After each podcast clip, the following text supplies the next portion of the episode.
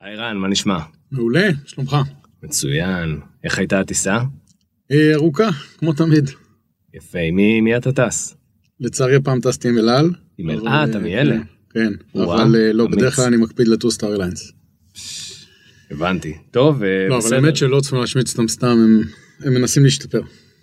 אה, אם, אם, אם אתה אומר, אז, אה, אז אני אקח את זה. אה, אז מה אתה אומר? נתחיל? יאללה, קדימה.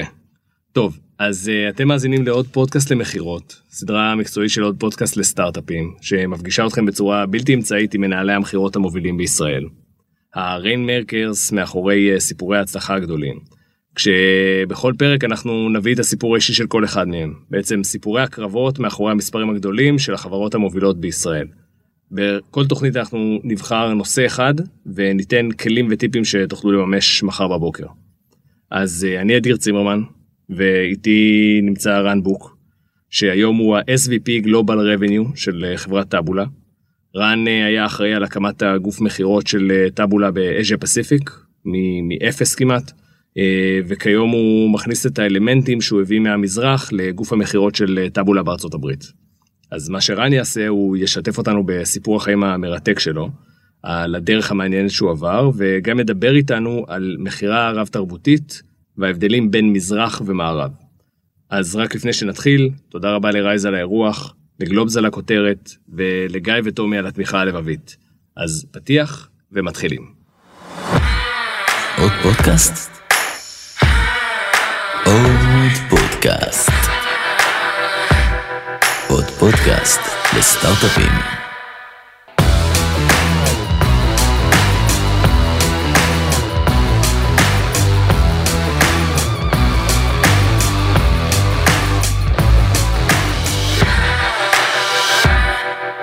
חזרנו. אז רן, עכשיו תורך. טוב, אז איפה מתחילים? אז אה, קודם כל חשוב לי לספר שאני בכלל התחלתי במקומות אחרים לגמרי, בטח לא בהייטק. אה, מי שלא מכיר אותי אז אני טבח במקצועי, למדתי בישול בארצות הברית, אה, אחרי שהייתי כמה שנים בחיל האוויר, ומשם עסקתי קצת ברכש ובקניינות עבור מדינת ישראל במשלחת הרכש הביטחונית. אה, משם חזרתי לארץ, רציתי להקים נורא מסעדה משל עצמי, התחרטתי כי התחילה אז האינתיפאדה השנייה. אה, וגייסו אותי ל-IBM להיות אה, איש ביזנס דיבלופמנט. למדתי. הרבה מאוד יסודות בחיי, למדתי ב-IBM, חברה מצוינת, אה, אבל היא קצת הייתה גדולה לי מדי, אני סוג של אה, יזם כזה שצריך לרוץ כל הזמן ו... ולהתקדם קדימה, אה, ו-IBM פחות התאימה לי בתקופה ההיא, אה, ואז אה, בעצם יצאתי החוצה כשטיב טעם פנו אליי אה, לעשות איתם משהו, הם שמעו עליי מעולם הבישולים והגבינות ו... דברים שעשיתי לפני זה, אה, והקמתי להם את חטיבת היבוא והייצוא של טיב טעם. הייתי גם שותף בפנים, ובזמנו הצטרף אליהם בחור חכם בשם עמית ברגר שקנה אותי החוצה. אה, ואז הקמתי חברה משל עצמי, שעשתה יבוא וייצוא של גבינות לכל העולם ומכל העולם.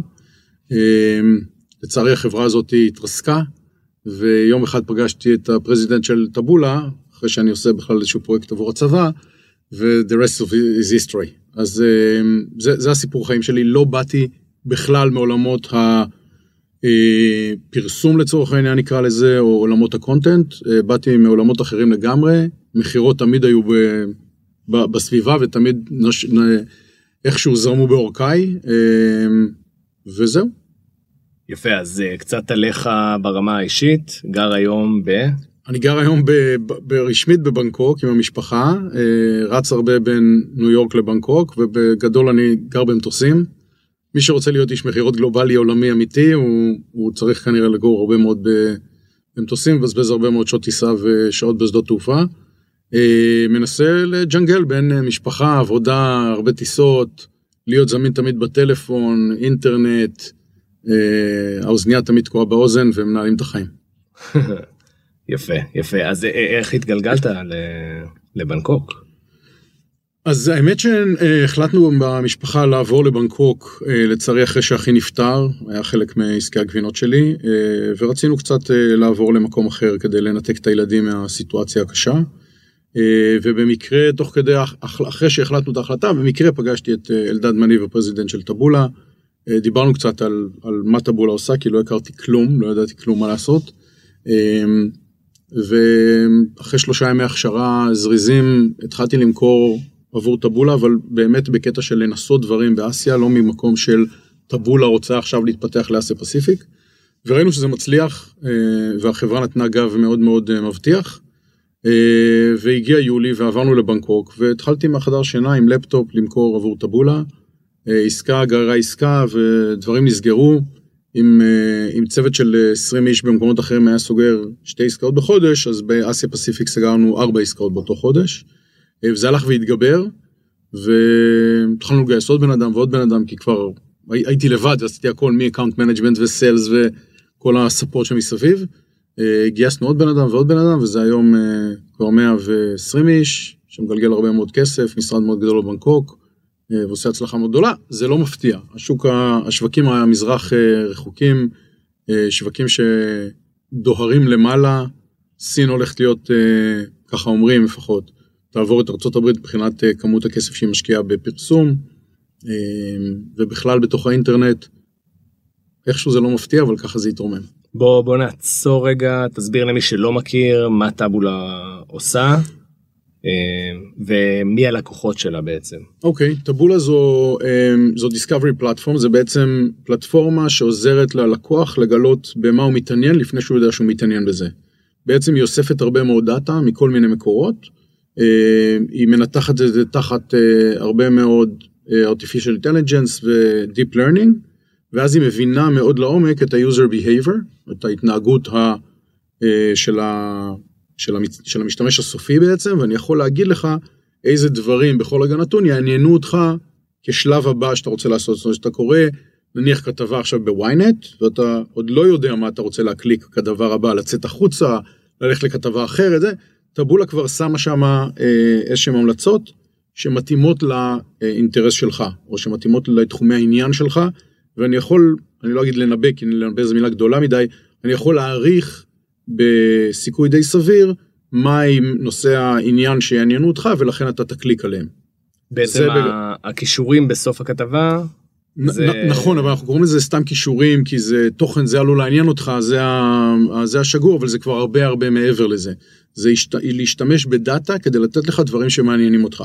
יש הרבה אנשים אגב שיקחו את זה למקום הלא טוב, או יהיו, יהיו נורא חרדים לסקיוריטי שלהם ולפרייבסי שלהם, הם שוכחים שבעצם כמעט בכל דבר שהם עושים היום באינטרנט, מישהו מסתכל עליהם מהצד ואומר, אוקיי, זה מה שהם אוהבים, אפשר לעשות בזה הרבה שימושים רעים, אפשר לעשות בזה הרבה שימושים טובים. נכון. אתם בעצם מנסים ליצור לי את החוויית פרסונליזציה שיש לי בתוך הפייסבוק, מחוץ לפייסבוק. נכון, בעצם טבולה באה ואמרה פייסבוק זו פלטפורמה נהדרת, עושה דברים מאוד יפים, אבל זה רק למי שמשתמש בפייסבוק ונמצא כרגע בפייסבוק.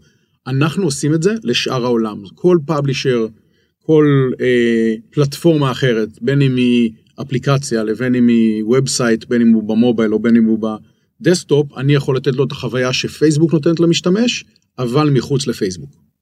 מה שנקרא פייסבוק או, או יש עוד כמה זה לא רק פייסבוק, יש גם את WeChat ויש עוד כמה אפליקציות גדולות שהן בעצם סוג של גנים סגורים. נכנסת פנימה, הם יעשו כל מה שהם יכולים כדי לשמור אותך בפנים. בוא נעצור פה שוב, מה okay. זה WeChat? מה זה WeChat? למאזין המערבי הרגיל. מעולה, WeChat זה פלטפורמה שמשלבת את פייסבוק, uh, את וואטסאפ, את טוויטר והכל ביחד באותה פלטפורמה, מאוד מאוד מתקדמת, אפשר לעשות בה הרבה מאוד דברים. מכירים אותה בדרך כלל אנשים שמסתובבים במזרח הרחוק, בעיקר מי שמסתובב בסין. אה, הסינים חיים דרך WeChat, הם משלמים בסטארבקס דרך WeChat, הם משלמים בסופרמרקט דרך WeChat, הם מתכתבים עם החברים שלהם, הם מעלים שם אה, פוסטים, והם גם עושים קניות e-commerce כאלה ואחרות, או מזמינים הביתה דברים, גם הכל דרך ה WeChat. וזה מחליף גם את האימייל, הם שולחים אקסלים ו-PDF ים והכל דרך WeChat. לגמרי, למשל, אם אתה בסין עושה עסקים, אם אין לך WeChat אתה כנראה לא קיים. זאת אומרת, זה כמעט ברמה הזאת. אה, לעומת זאת, אתה יכול לעשות עסקים חובקי עולם בארצות הברית, אבל בלי להיות בפייסבוק, או בטוויטר, או, ב... או שלא יהיה לך וואטסאפ בכלל. אתה עדיין יכול להשתמש ב-SMSים כמו פעם, ולעשות עסקים בארצות הברית, בסין זה כבר כנראה לא יקרה. נכון, זה בעצם תפיסת גן סגור שהיא הפוכה לתפיסת הגן הפתוח האמריקאית, זאת אומרת, אין אפליקציה לכל דבר, יש לנו וויצ'ט שנותן לנו את הכל אה, במקום אחד, וכמו שאמרת, אם אתה מתכוון לפנות למזרח לעשות עסקים, אם אתה לא מבין את הפלטפורמה הזאת אה, או לא מכיר אותה, אתה די לא קיים. כן, רק שלא לעולם חוסן, למרות שאמרת שהמערב כאילו יותר פתוח, אני, אני לא בטוח, כי גם פייסבוק מנסה לסגור את כולם בתוך הגן הנעול הזה. וויצ'ט מנסה לסגור את זה בתוך הגן הנעול, אבל יש לה גם מתחרים, ויש גם דברים אחרים שעושים דברים די דומים, אה, כך שהיא בהחלט שולטת, אבל היא לא הדבר היחידי שקיים. אנחנו, אנחנו דיברנו על העסקים ברמת הוויצ'ט, כי הרבה מאוד אנשים עושים עסקים דרך WeChat, כי זה התוכנה, לצורך העניין, משהו כמו הוואטסאפי המערבי, זה דרך יותר קלה לתקשר עם אנשים, אבל זה לא אומר שהכל מתנהל רק דרך WeChat. עדיין יש כמות traffic מאוד מאוד גדולה באפליקציות אחרות, באתרי news, אה, באגרגציה כזאת או אחרת של, של אה, תוכן, אה, ויש עוד, אני לא יודע כמה אנשים מכירים את השם טאוטיהו, שזה מתחרה מאוד גדול שעושה אגרגציה של תוכן, יש אתרי news מאוד גדולים בסין, יש שם traffic מאוד גדול, לא רק ב WeChat. יש גם את Weibo למשל, Weibo זה בין הכלאה בין טוויטר לפייסבוק בתוך סין. כן. אז מי, אז מי בעצם, ה... מי בעצם הלקוחות של טאבולה היום? הלקוחות של טאבולה היום זה כל publisher בעולם, אנחנו בעצם מחזיקים בשני הצדדים של המטבע. מצד אחד כל ה publisher ים שרוצים לעשות engagement uh, יותר גבוה, לקבל traffic uh, uh, יותר גדול או להגדיל את כמות ה traffic שלהם ולעשות מוניטיזציה, לעשות מזה כסף. אז זה יכול להיות publisher, זה יכול להיות אפליקציה, זה יכול להיות telco, זה יכול להיות uh, OEM כזה או אחר, זה יכול להיות כל אחד שיש לו איזשהו content ואנשים באים אליו. אז אנחנו עוזרים להם, אחד, להגדיל את כמות ה traffic, שתיים, לשמור שה traffic הזה, או שאנשים יקראו יותר ולצורך העניין ישקיעו יותר זמן באתר שלי, וגם יודעים לעשות מזה כסף. והצד השני, שאנחנו עובדים עם הרבה מאוד ברנדים ועם אה, כל מיני אנשים שרוצים לקדם את התוכן שלהם. אה, אנחנו עובדים בכל הצורות האפשריות, בין אם זה manual, שזה אנשים שבאים ועושים הכל דרך, ה, אה, דרך התוכנה שלנו, לבין אם זה פרוגרמטי, לבין אם זה וידאו, וידאו אני לא יודע כמה אנשים יודעים, אבל טבולה הפכה להיות אה, פלטפורמת וידאו מאוד גדולה, ומספיק שכל ה-1.4 ביליון אנשים שקוראים כל חודש את, אה, את ההמלצות של טבולה יראו פעם אחת וידאו, אנחנו כבר יותר גדולים מיוטיוב. אז, צ, אז כן, צריך, ביוטיוב יש 1, אה, 1 ביליון משתמשים. אז צריך רגע להבין שזה פלטפורמה מאוד חזקה עם ריץ' מאוד גדול היום בעולם, לא מדבר רק על ישראל, אבל בכל העולם, ובעצם אנחנו נותנים מענה לכל ה... הדבר הגדול הזה, שזה שני הצדדים של המטבע, גם ה... נקרא להם advertiser content promoters, וגם לפאבלישרים. עם הפאבלישרים אנחנו עובדים בצורה הרבה יותר עמוקה, מסתם לשים להם לצורך העניין פיד בתחתית העמוד. אנחנו גם בדרך כלל עובדים עם ה editorial team שלהם, כל העורכים, עורכי ה content, אנחנו נותנים להם המון המון מידע על מה שקורה בתוך מדינה ספציפית, זאת אומרת, עורכי ynet יודעים מה קורה בתוך המדינה, הם לא יודעים מה קורה נניח אצל המתחרים שלהם, אבל הם יודעים מה קורה עכשיו, כמה אנשים קוראים על דונלד טראמפ פגש את ביבי נתניהו במלון בירושלים. בסדר? לא רק אצלהם, אלא בכלל בכל הערוצים שפתוחים ועוברים דרך טאבולה. אוקיי, okay, אז, אז תיארת פה מנעד רחב של uh, לקוחות. אנחנו מדברים על publisher ים גדולים, זה יכול להיות, uh, זה enterprise size, נכון. אפילו אמרת telcos, שזה old fashion. ultra old fashion. כן, אה, ואם הבנתי נכון גם אתם יורדים עד לרמת כותב הקונטנט הבודד? אנחנו יורדים עד רמת, ה cont, רמת הקוד, כותב ה content הבודד בלעזור לו להבין על מה כדאי לכתוב, או מהם הנושאים הכי חמים כרגע בשוק, אם הוא עובד ב publisher שעובד איתנו. זאת אומרת, okay. זה אוקיי. לא שאני פונה עכשיו לכל קהילת הבלוגרים והכותבים, אני אתן לכם מידע, אלא אם אתם עובדים נניח עם ynet, אז ynet יכול לספק לכם את המידע שאתם מחפשים אותו. על מה לכתוב, מהם הנושאים החמים, איך לכתוב את זה, איזה images להשתמש, לעשות A-B test ים, live בכל רגע נתון. אז זה הדברים שאנחנו עושים עם ה publisher ים הגדולים, שוב, זה דרך publisher ים. אנחנו עדיין עובדים גם עם אתרים מאוד קטנים, ועוזרים להם לעשות את שלושת הדברים שאמרתי, שזה אה, להגדיל את כמות ה traffic שלהם, לעשות engagement יותר גבוה ולעשות מזה כסף. אז בעצם אה, איזה סגנונות אה, מכירה יש אצלכם? רוב סגנונות המכירה היום בטאבולה זה עדיין הסגנון מכירה הישיר, המאוד מאוד hands on, הרבה מאוד account management, הרבה מאוד service. יש לנו עדיין ערוצים שהם ערוצים שאתה יכול לעשות את הקמפיין לעצמך, או שאתה יכול לפתוח לבד את עצמך במערכת. זה מה שנקרא הערוץ, אנחנו קוראים לזה low touch.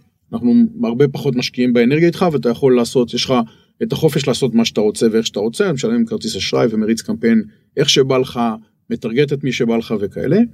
ויש לנו גם את הערוץ הפרוגרמטי, שבו ערוץ שדרך אה, כל מיני חברות פרוגרמטי שיודעות להתחבר אלינו באינטגרציה ישירה, ומריצות את זה דרך הערוצים הרגילים שלהם.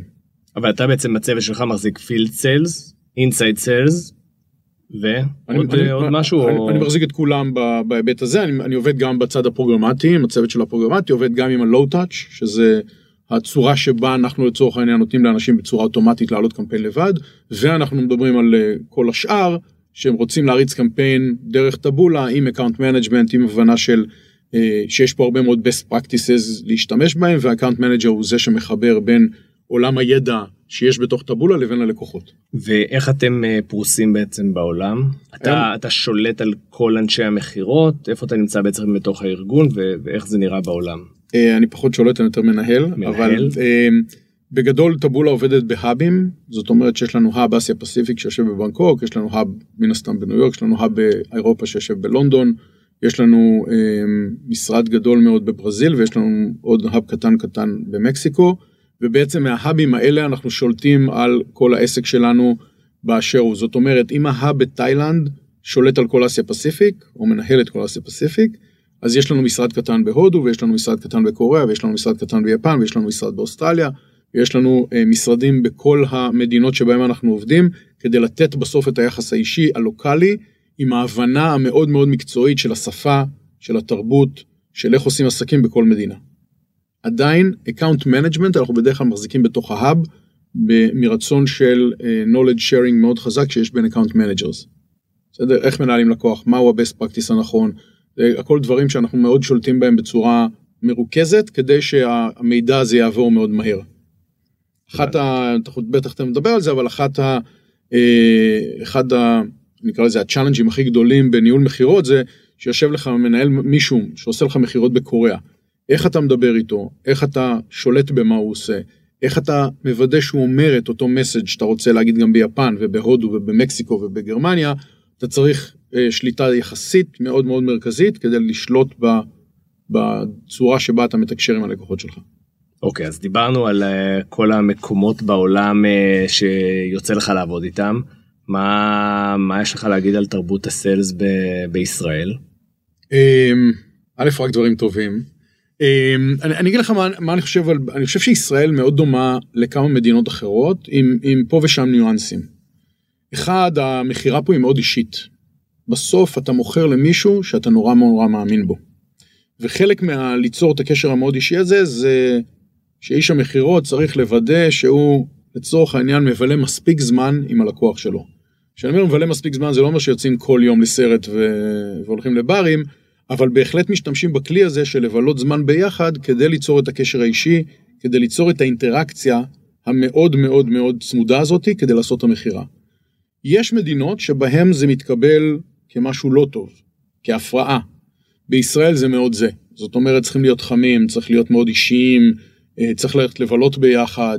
לבלות ביחד יכול להיות סתם ללכת לדרינק, אבל זה, זה לבלות, זה לדבר קצת על הצבא, וזה לדבר קצת על האישה והילדים, וזה לדבר על מה שמעניין את הלקוח, הוא צריך להיות מעורב איתך ברמה המאוד מאוד אישית כדי לקנות ממך.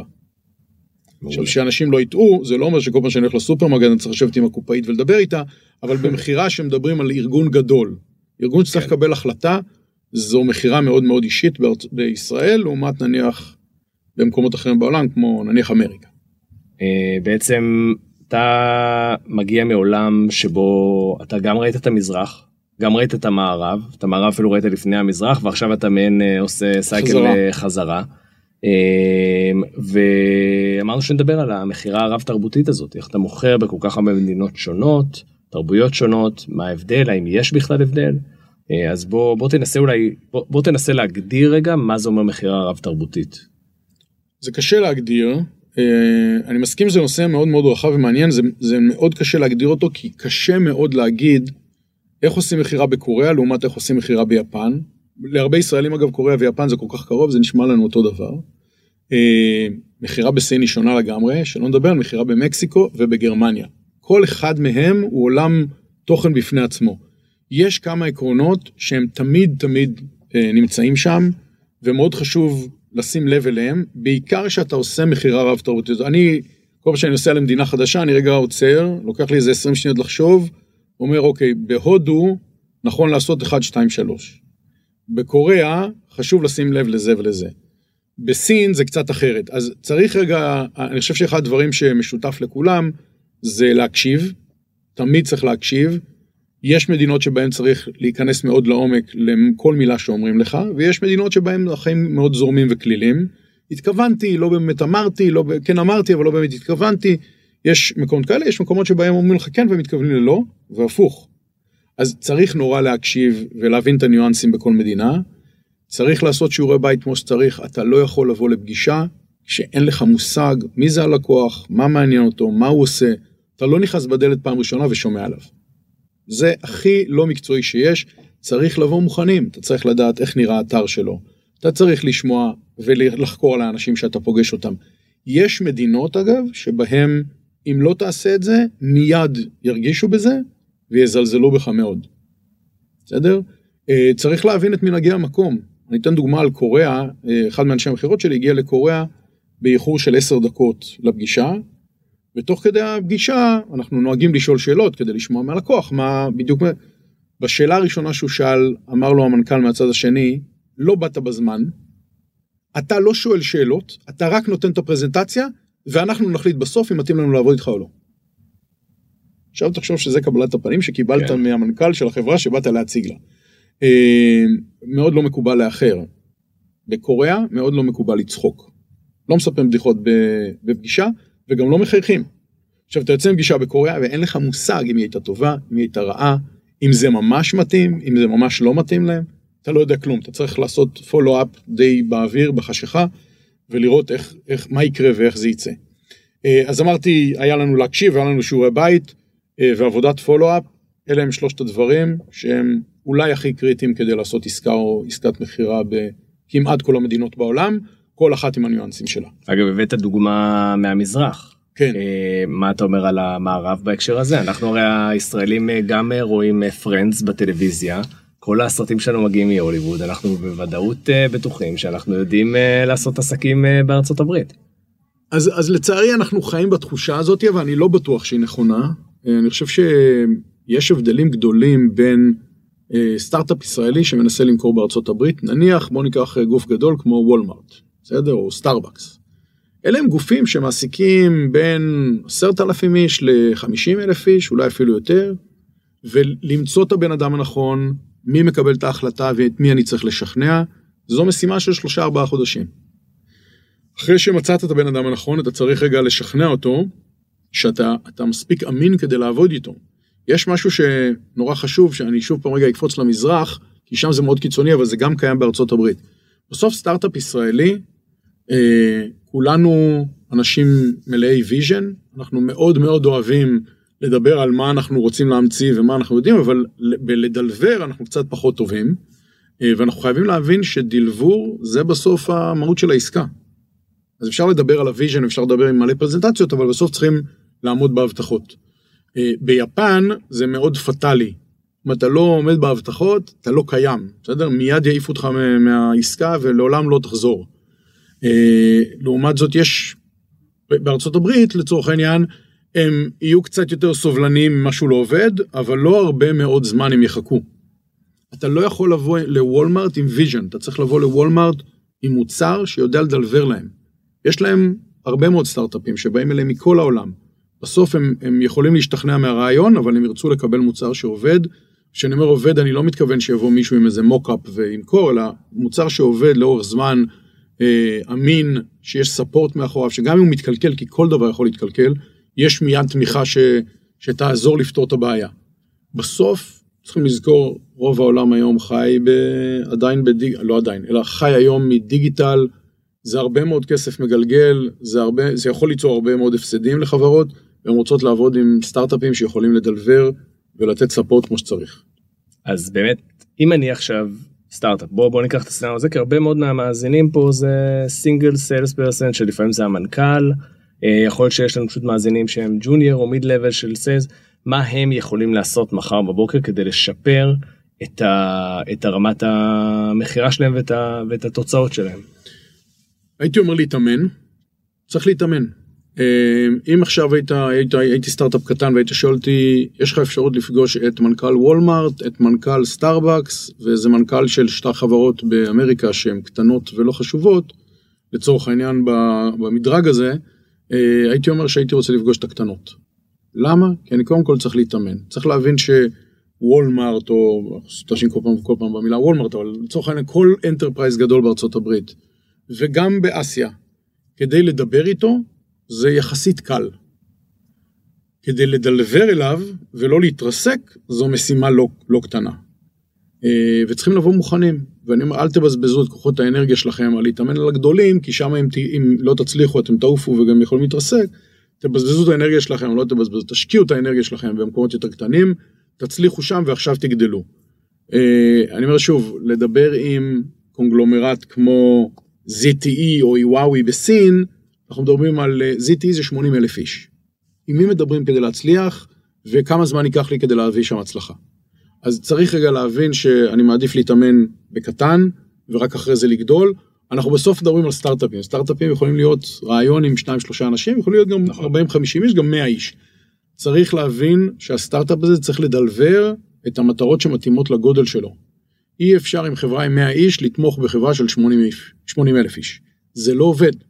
יש שם צרכים אחרים, צריך להיפגש עם כמות האנשים המתאימה, אה, רק כמות הטכנולוגים שאתה צריך לפגוש אותם, כבר חצי מהחברה עומדת ולא עושה שום דבר אחר. אז צריך להבין וצריך להתאים את הגודל. ללקוח, ואחרי שהבאת כמה הצלחות קטנות, עכשיו תתחיל לגדול ותצא החוצה.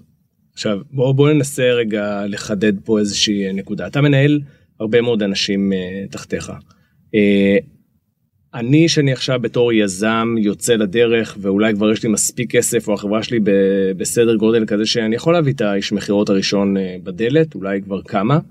אה, האם יש סוגים מסוימים של אנשי מכירות שכן נכון להביא וכאלה שלא? זאת אומרת אחד האם העולם השתנה? האם אותם אה, קרישי מכירות ותיקים מתאימים לעולם הזה או שעכשיו צריך למצוא איזה סוג חדש אה, של, אה, של איש מכירות לפי מה שאתה מתאר פה. אני לא יודע אם צריך למצוא איש, איש אחר למכירות או סוג חדש של אנשי מכירות, אני כן יכול להגיד שלצורך העניין בוא ניקח עכשיו איש מכירות של מקדונלד בארצות הברית, משהו כמו בפאונדר, בסדר? מי שראה את הסרט. האם הוא מתאים לעבוד עם סטארט-אפ ישראלי? התשובה היא כנראה לא, בסדר? בסוף סטארט-אפ ישראלי, חלק מהיכולות שלו וחלק מה... הייחודיות שלו זה שהוא מאוד ורסטילי. ארה"ב לא יודעת להיות ורסטילית כזאת. איש מכירות שמוכר עכשיו עבור, לא יודע, חברת נייר, הוא יודע למכור נייר באשר הוא את כל סוגי הנייר בעולם. מבקש ממנו עכשיו למכור גם עטים, זה כבר משימה מורכבת, הוא, הוא לא מכיר את עולם העטים. הוא כל כולו מפוקס בעולם הנייר. סטארט-אפים ישראלים צריכים להיות קצת יותר ורסטיליים, קצת יותר, אני קורא לזה להיות ברבאבא. אתה בסוף משנה את הצורה שלך בהתאם למי שעומד מולך. ואתה חייב להבין שאתה צריך להיות גמיש, ואתה צריך להבין קצת יותר לעומק בכמה נושאים ולא רק בנושא אחד, כי אתה מוכר הרבה מאוד דברים. אתה יכול למכור אולי משהו, רעיון קטן של סטארט-אפ, אבל אתה צריך להצטייר כמישהו שמבין קצת יותר. אז לא לקפוץ מעבר לפופיק ולהתרחב וליותר מדי נושאים, אבל להיות ורסטילי ולהיות אה, גמיש, מאוד מאוד חשוב בעולם המכירה. זה לא אותם אה, אנשי מכירות, enterprise, רגילים שאנחנו רגילים לראות בסרטים, או ב... לא, רגילים לפגוש על הדרך אה, אנשי ביטוח כאלה, או אנשי עול, אתה יודע, הדוגמה הכי טובה זה אנשי מכירות של רכב בארצות הברית. הם מאוד מפוקסים על המכירה של הרכב, יודעים בדיוק מה הם רוצים, יודעים בדיוק מי המתחרים שלהם, יודעים בדיוק מה הם רוצים להעביר לך במסר, זה לא מה שמתאים לסטארט-אפ ישראלי. אגב, soft skills של מכירה, אה, אל מול אה, הבנה ב product, איך היית מחלק את זה אצל איש המכירות מבחינת אה, כמות הזמן שאתה משקיע to educate, לחנך את אותו איש מכירות. אני חושב שזה בערך 70-30, 70 אחוז מכירה, 30 אחוז הבנה טכנולוגית. אתה לא יכול להיות לגמרי out of the, of the technology, אתה חייב להבין קצת. מצד שני, וזה אולי גם כן טיפ שחשוב להגיד לאנשי מכירות, כשאתה לא יודע, תגיד אני לא יודע. אף אחד לא מצפה ממך להיות המומחה הכי גדול של, של התחום הטכנולוגי, לכן ששואלים כבר שאלות יותר מדי עמוקות, נניח יושב מולך מישהו שהוא מכיוון ה product של הלקוח, והוא שואל שאלות עמוקות ואתה לא יודע לענות אל תנסה לענות על מה שאתה לא יודע. תגיד, אני לא יודע, אני רשמתי את השאלה, אני אחזור לך תוך 24 שעות. יותר חשוב שתחזור אחרי 24 שעות עם תשובה מאנשי הטכנולוגיה שלך, מאשר שתנסה לענות לבד. אז אני כן מצפה שאנשי המכירות שלי ידעו טכנולוגית. אגב, טבולה משקיעה הרבה מאוד אנרגיה באימון, בחינוך, ב... לא חינוך אה, אישי, אלא חינוך של, אה, של לעשות training כזה או אחר לאנשי המכירות שלה, אבל אנחנו יחסית, יש לנו טבול אוניברסיטי, שזה משהו מאוד מאוד מקיף וכיפי. יפה. אה, אז אנחנו משקיעים הרבה מאוד אנרגיה בלהעביר את הידע הטכנולוגי לאנשים שלנו עד רמה מסוימת, כדי שהם יוכלו לעשות את המכירה. אגב, במכירה בינלאומית, ואנחנו מדברים הרבה על בינלאומיות, חשוב גם שתדע מה קורה בארצות אחרות. סינים מאוד מאוד מתעניינים מה קורה בארצות הברית. יפנים מאוד מאוד מתעניינים מה קורה בסין ובקוריאה. תאילנדים מאוד ישמחו לשמוע מה קורה בווייטנאם, במלזיה, בסינגפור, הם מאוד רוצים לדעת מה קורה בסביבה הקרובה אליהם. אתה צריך קצת לדעת מה קורה מסביבך, ולא רק להגיד, אני עכשיו מומחה ליפן, אז אני מדבר רק על יפן. לא, היפנים הם אלה שמומחים ביפן, הם יושבים כל היום ביפן, אתה צריך להביא להם נופח חדש, שזה לא רק הטכנולוגיה שלך, אלא גם קצת מההבנה המכירתית שלך, ומה קורה מסביב. אגב, אתה מזכיר פה המון שמות של, אה, של מדינות. אה, אני מאמין שזה יוצר איזה אתגר של אה, Sales Operation גם בעצם ברמה הזאת. אם אני חושב על יפן שמשתמשים בליין, סין שמשתמשים בוויצ'ט, רוב, רוב המזרח היותר קרוב אלינו הוא פייסבוק oriented, שלא נדבר על, על, על המערב שמשתמש באימיילים. נונסטופ, איך, איך חלק מהמערכות משתמש ב-SMSים בכלל. ב- נכון, ארה"ב ב-SMSים, איך, איך מכניסים את הכל הזה תחת uh, קורת uh, גג אחת של Salesforce אה, או CRM כלשהו, מצליחים להבין, להשוות בכלל בין, ה, בין הדברים ולרכז את ה-knowledge הזה. אז תחת ה-CRM, תחת Salesforce במקרה שלנו, אנחנו מכניסים את כל מה שקשור באימיילים, אנחנו מחכים ש Salesforce יעשו אינטגרציה גם עם פלטפורמות אחרות של messaging, אבל כרגע זה לא נראה שזה מתקרב, אנחנו בהחלט אה, משתמשים בכל הפלטפורמות האחרות כדי לתקשר עם הלקוחות, אבל דברים שהם יותר רשמיים ודברים שצריכים להיות כתובים, אנחנו משתמשים באימיילים. רק כדי לסבר את האוזן, הזכרת חלק, אבל אני לא יודע כמה אנשים מכירים, בקוריאה זה KakaoTalk נקרא, וביפן זה Line, ובתאילנד זה Line, ובסין זה WeChat, ובארצות הברית זה כנראה גם וואטסאפ, כמו תמיד, או, או חלק עדיין משתמשים ב-SMSים. אה, אכן משימה מורכבת, להכיר את כל הפלטפורמות, לדעת איך לתפעל אותם, אבל זה חלק ממיומנות המכירה. אתה צריך לדעת לעבוד עם הלקוחות שלך בפלטפורמה שנוחה להם, ומצד שני להכניס את כל המידע לתוך ה-CRM. אוקיי, okay, אז, אז איפה מתחילים? הנה שאלה שכל סטארט-אפ והמשקיעים שלו שואל את עצמו, איפה אני מתחיל? האם אני עושה מכירה גלובלית? זאת אומרת, מגיע למי שאני יכול להגיע. יש לי קשר למישהו ביפן, אני הולך למישהו ביפן, קשר למישהו בארצות הברית, הולך לשמה, או שם אף קודם כל על המערב, או על המזרח. מה, מה הטייק שלך בדבר הזה? א', שאלה קשה, כי זה נורא תלוי בסטארט-אפ ונורא תלוי בטכנולוגיה. אני הייתי מתפקס על מדינה אחת, אה, ולא מנסה לתפוס את כל העולם. אה, רק אחרי שאני אגיע לבשלות מספיק גדולה, אז אני יכול לצאת כבר למדינה הבאה ולמדינה אחרי זה. צריך להבין רגע את ה-added value של המוצר פר מדינה. יכול להיות מאוד שה-added value הכי גדול שלך כרגע הוא בתאילנד. בתאילנד יש לה את האתגרים שלה, אתה צריך רגע להתפקס וללמוד איך עושים עסקים בתאילנד, זה לא דומה לקוריאה וזה לא דומה ליפן, זה בטח לא דומה לארה"ב. אז צריך רגע להבין שחלק מהדברים הם לפי הפיקוס שלך. אני, אני חושב שהרבה מאוד סטארט-אפים לא מנתחים בכלל מה ה-added value שלהם פר מדינה, כי, הם, כי את המזרח הם מכירים פחות, אז אומרים, טוב, שם אני לא יודע מה זה, אז יהיה לי יותר קל להתפקס בארצות הברית. בארצות הברית גם יש הרבה כסף, צריכים להגיד את זה, זה, זה לא פחות חשוב, אבל לפעמים ההצלחה יכולה לבוא רק מהטמעה 1, 2, 3, אתה גם צריך להכיר קצת את ה industry שאתה עובד בו. אני אתן את הדוגמה הכי טובה, לעשות הצלחה במכירה ב telco, לוקח בין שנה וחצי לשנתיים, ולעשות הצלחה בעולמות ה advertisement בארצות הברית לוקח שבוע. אם חברה רוצה להתעסק גם בזה וגם בזה, היא צריכה לכייל את עצמה בהתאם להצלחה. אם אתה לא תחזור ללקוח חודש בתחום האדברטייזמנט, הוא לעולם לא ידבר איתך, ואם תחזור אחרי חודש לעולם הטלקו, הוא יחשוב שזה ממש מהר. אז אתה mm. צריך לחייל את עצמך, אתה צריך כל הזמן לחשוב עם מי אני עושה עסקים, איפה אני עושה עסקים, ובהתאם להתנהג. סטארט-אפ קטן שמתחיל מחר בבוקר, חייב, חייב להתפקס. הוא לא יכול לקבל לידים גם מיפן, גם מסין, גם מתאילנד, גם מארצות הברית, גם מאנגליה וגם מנורבגיה. זה גדול על, על אפילו סטארט-אפ ברמה בינונית לפעמים נאבד במה שאמרתי עכשיו, סטארט-אפ קטן בטח ובטח צריך פוקוס. אגב, דבר מאוד מאוד קשה ב- בישראל, בישראל יש לנו פה תרבות או תופעה של קורפורט uh, טוריזם. מגיעים לפה קורפורטים מכל העולם, מחפשים פה טכנולוגיה חדשנית, זאת אומרת, אתה מוצף, המצב הטבעי שלך הוא שאתה מוצף בלידים, אה, לא, לא כולם qualified, כן, אבל אתה מוצף בלידים שמפתים אותך. ללכת ל, ל, למקומות אה, אחרים. הרבה מאוד אירועים מביאים לפה הרבה מאוד משקיעים ו...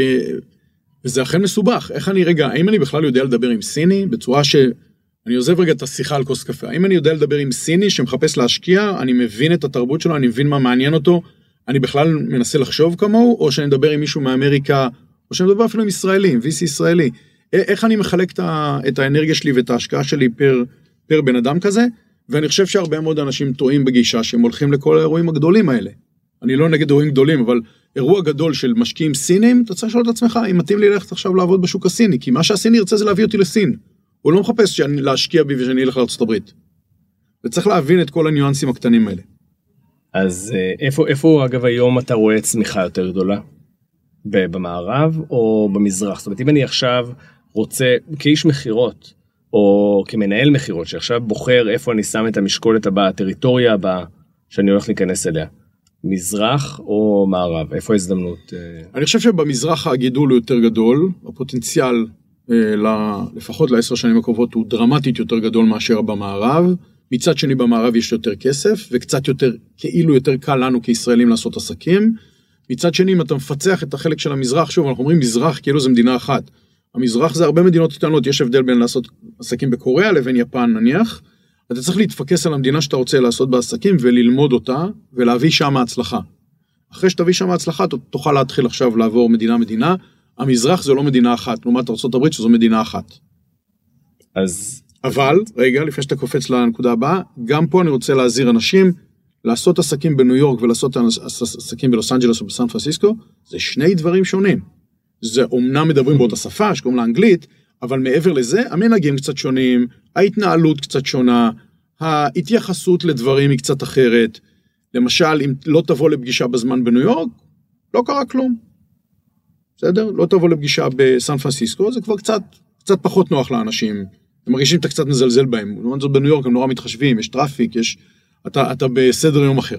אז צריך להבין גם פה, גם אמריקה, בחוף המערבי והחוף המזרחי, מתנהגים קצת אחרת. איפה איפה היתרון לישראלים בעצם בדבר הזה מה אני עכשיו בתור ישראלי אני אומר אוקיי אני צריך ללמוד כל כך הרבה דברים אה, אני צריך אם אני יזם אז אני עכשיו אה, מנהל את המצב השברירי של הסטארט-אפ שלי בהתחלה וצריך אה, לגייס השקעות ולעשות עוד מיליון דברים. אם אני איש מכירות אני רוצה לנצל את הזמן הכי טוב של ה... ש... שניתן לי כדי להביא עוד ועוד אה, מכירות. אז כישראלי איפה היתרון המובהק שלנו תיארת פה הרבה מאוד uh, גיאוגרפיות מה אתה מרגיש שהוא הכי קרוב אלינו מה הכי קל לנו uh, לעשות בעצם המקום שללכת אליו. אני חושב כמה מדינות שהן מאוד קרובות אלינו, זה לא אומר שהן יותר קלות מאחרות, אבל לפחות אנחנו מרגישים קצת יותר בבית, זה הודו.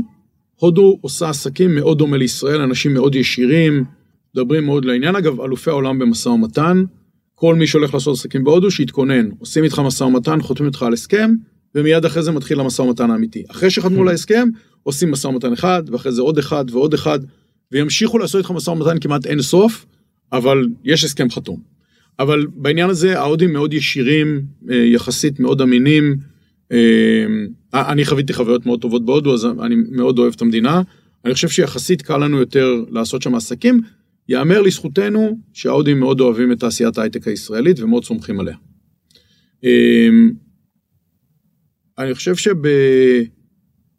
שבאנגליה אה, יחסית קל לעשות עסקים.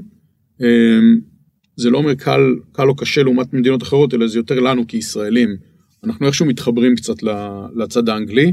אמ, ואם הייתי רוצה להמליץ על עוד מדינה אחת באסיה, אמ, לנו דווקא כישראלים, אז, אז סין היא נשמעת מאוד מסובך, מסובכת, אבל אחרי שאתה מכיר את הניואנסים ומבין, יחסית אנחנו אה, מצליחים לעשות שם עסקים, לעומת נניח מדינות מערביות אחרות. אגב איך איך, צריך הכנה. זאת אומרת, זה לא בא טבעי, זה צריך הכנה. איך, איך אני בעצם אה, מנהל איש עסקים אה, איש מכירות אה, סיני אם אני עכשיו רוצה לעבוד בסין ואני צריך בסוף להשאיר מישהו על הקרקע. אני חושב שבאופן כללי לנהל אנשי מכירות רמוטלי, בין אם זה סינים, מקסיקנים, ברזילאים או קוריאנים, אתה צריך לעבוד לפי מתודה, והמתודה הזאת היא מאוד מאוד אה, אחידה לכל העולם. המתודה, לאו דווקא התוכן בתוך המתודה. אבל אתה צריך למדוד כמה שיחות טלפון בן אדם עושה ביום, כמה פגישות הוא פוגש בשבוע. אה, מה ה-lead time מהרגע שהחלטת להיפגש עם לקוח, נפגשת איתו פגישה ראשונה ועד שאתה תסגור איתו עסקה. אתה חייב להבין שבסוף הדברים האלה יש להם משמעות כמעט סטטיסטית יבשה, אבל הם עובדים. זאת אומרת, בן אדם שרוצה לסגור שתי עסקאות ביום, לא יכול לעשות שתי שיחות טלפון ביום. אם הוא רוצה לעשות שתי עסקאות ביום, צריך לעשות 20 טלפונים ביום, ושניים כנראה יסגרו איתו. אם מישהו רוצה לעשות את הסגירות אה, עסקה בפגישות, הוא צריך להיפגש חמש פעמים בשבוע עם אנשים. אם הוא ייפגש שלוש פעמים בשבוע, הוא כנראה לא יסגור חמש עסקאות. בסדר? זה בסוף, זה בסוף משחק של מספרים שצריך להבין אותם ולעשות את הדברים האלה. עכשיו, אם מישהו עשה 20 טלפונים ולא סגר אף עסקה, יכול להיות שיש משהו שבור בצורה שהוא מציג את הדברים, בצורה שהוא אה, מוכר את המוצר שלו. אבל זה הכל בסוף משחק של מספרים, אנשי מכירות. אני, אני מתכוון משחק לא בהיבט של אה, אני מזלזל בזה, אלא להפך, זה, זה מדע כמעט מדויק בהיבט ההתנהגותי של איך עושים מכירה. לא משנה איפה אתה בעולם. זה כמעט לא משנה איפה אתה בעולם. כנראה שעלית עם קצת שונה, זאת אומרת, לסגור עסקה בקוריאה ייקח לי חודש, ביפן חצי שנה, בהודו שבועיים. אתה מודד אותם גם על אה, כמות הפגישות נגיד שהם עושים כי זה, זה קצת שונה בתר, בין התרבויות הכמות פגישות שאתה בהחלט. צריך לעשות. א' אני מודד אותם אבל אני מודד אותם בהתאם למצב הלוקאלי זאת אומרת בהודו בגלל traffic אתה יכול להיפגש גג שלוש פגישות ביום גג. בארצות הברית אתה יכול להיפגש שמונה עד עשר פגישות ביום. בסדר ביפן אתה יכול להכניס שבע שמונה פגישות ביום בסין גם בגלל traffic אם אתה בבייג'ין אולי שלוש פגישות ביום אתה לא תצליח יותר. אפילו אם יהיה לך מסוק פרטי. יפה. טוב, אנחנו uh, מגיעים לשלבי הסיום, אז בוא, בוא תנסה לארוז ככה את הנקודות המרכזיות uh, בנוגע למכירה רב תרבותית, שהיית רוצה שהמאזינים ייקחו איתם.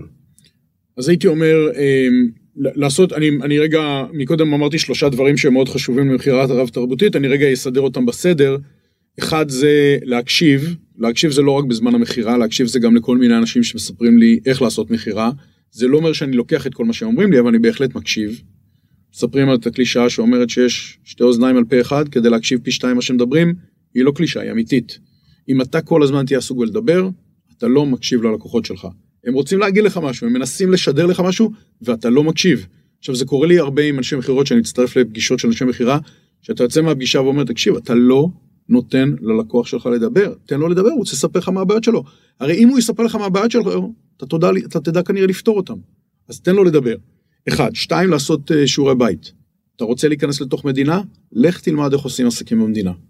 יש מלא יועצים, מלא... אתה יודע, אנחנו לפני שנכנסנו לסין, הלכנו לשמוע בחור שהוא סינולוג, שרוצה לדבר על התרבות. לא ביקשנו שילמד אותנו לעשות עסקים, אבל בהחלט ללמוד את התרבות הסינית לעומת התרבות המערבית, זה משהו שהוא מאוד מעניין והוא יכול מאוד לעזור. אה, אז לעשות שיעורי בית ברמת המדינה, לעשות שיעורי בית ברמת הפגישה. אתה לא נכנס לחדר אם אתה לא יודע משהו על הצד השני, בין אם זה האנשים, בין אם זה הטכנולוגיה שהם משתמשים, בין אם זה מה הם רוצים להשיג. אתה רוצה להשיג כמה שיותר מידע כדי להיות כמה שיותר מוכן. בסוף, בשורה התחתונה, יש לך במקרה הטוב, מתוך, יש לך שעה פגישה, שמתוכה אולי 35 דקות הם יהיו מרוכזים בך, ויש לך ב-35 דקות האלה זמן להעביר להם את המסר שאתה רוצה להעביר את המסר. במקרה הטוב 20 דקות הם גם יקלטו. אז תראה איך צמצמנו משעה פגישה ל-35 דקות ל-20 דקות קליטה, זה הזמן שלך, זה המאני טיים שלך. פה אתה צריך להביא את המכה. אה, זה הדבר השני, והדבר השלישי הייתי אומר, אה, להיות מאוד פתוח, גמיש, ולהבין שאנחנו צריכים להיות מאוד מאוד ורסטיליים. אנחנו לא יכולים להיות, אנחנו נדבר על סטארט-אפים ישראלים, לא יכולים להיות מוכוונים רק מטרה אחת בלי להבין את המסביב, חייבים לשלוט גם במה שקורה מסביבנו. אז אה, דיברנו על אה, מסר, מה המסר שלך לאומה בנוגע לסיילס? המסר שלי לאומה, אני תמיד שואל את זה בראיונות עבודה, מי שרוצה לבוא לראיון עבודה, יבדוק אותי. אני תמיד שואל את אנשי המכירות מה הדבר הכי חשוב, והתשובה שאני מצפה זה שהם יגידו לי שהם צריכים להקשיב. אפשר לדבר על עקרונות המשא ומתן, אפשר לדבר על עקרונות המכירה, אפשר לדבר על טכניקות, איך, איך אה, מקבלים attention. בסוף, אם אתה לא מקשיב לצד השני, אתה כנראה לא תצליח לעשות את המכירה. טוב, אז אני מקווה שכל מי שהאזין לפודקאסט הזה הקשיב אה, בקשב רב, ואם יום אחד אה, יבוא להתראיין אצלך אז הוא יזכור את הטיפ הזה של אלופים. אז, אה, אז תודה רבה שהגעת. אגב, לכם. אה, מתי אתה מתכוון לחזור לתחום הקולינריה? מתי אה, נראה אותך פותח טובה. מסעדה בניו יורק? זו שאלה טובה, אני לא בטוח שזה יקרה, אבל אני, אני מוכן לקחת את האתגר. טוב, אנחנו אה, נשאר בהאזנה. מצוין.